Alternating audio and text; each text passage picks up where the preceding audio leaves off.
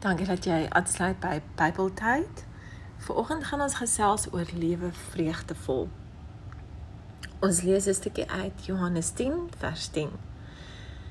Die dief kom net om te steel en te slag en te verwoes. Ek het gekom dat hulle lewe en oorvloed kan hê.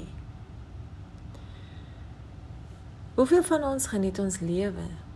Baie van ons geniet nie ons lewens nie want Ons dink as ons 'n goeie lewe wil hê, dan moet ons nie probleme hê nie. Baie geld en alles moet net reg verloop.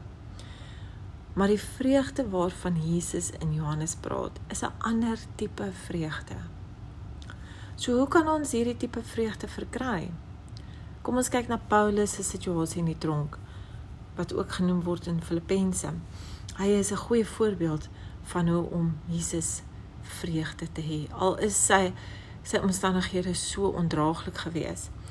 Paulus het aan almal in die tronk van Jesus vertel en sommiges is gered en ander nie. Selfs van die keiser se huisgesinlede word Christene. In Handelinge lees ons ook dat Paulus en Silas middernag lofliedere gesing het vir die gevangenes. Hulle was nie moedeloos of kwaad nie, maar het die Here se vrede in hulle gehad.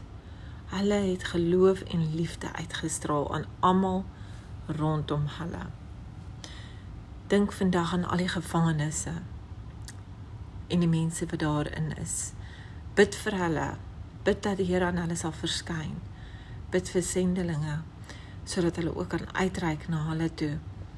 Sodat die mense in gevangenes ook Jesus se liefde en vrede kan ervaar. Wat kan ons doen om ander rondom ons ook die vreugde van Jesus te ondervind? Sing tot die eer van die Here as jy swaar kry. Menende al sien mense jy gaan deur situasies, wys vir hulle dat die Here se vreugde en liefde nog steeds in jou is, want hy sorg voortdurend vir ons. Lees gerus ons bybeltyd.wordpress.com.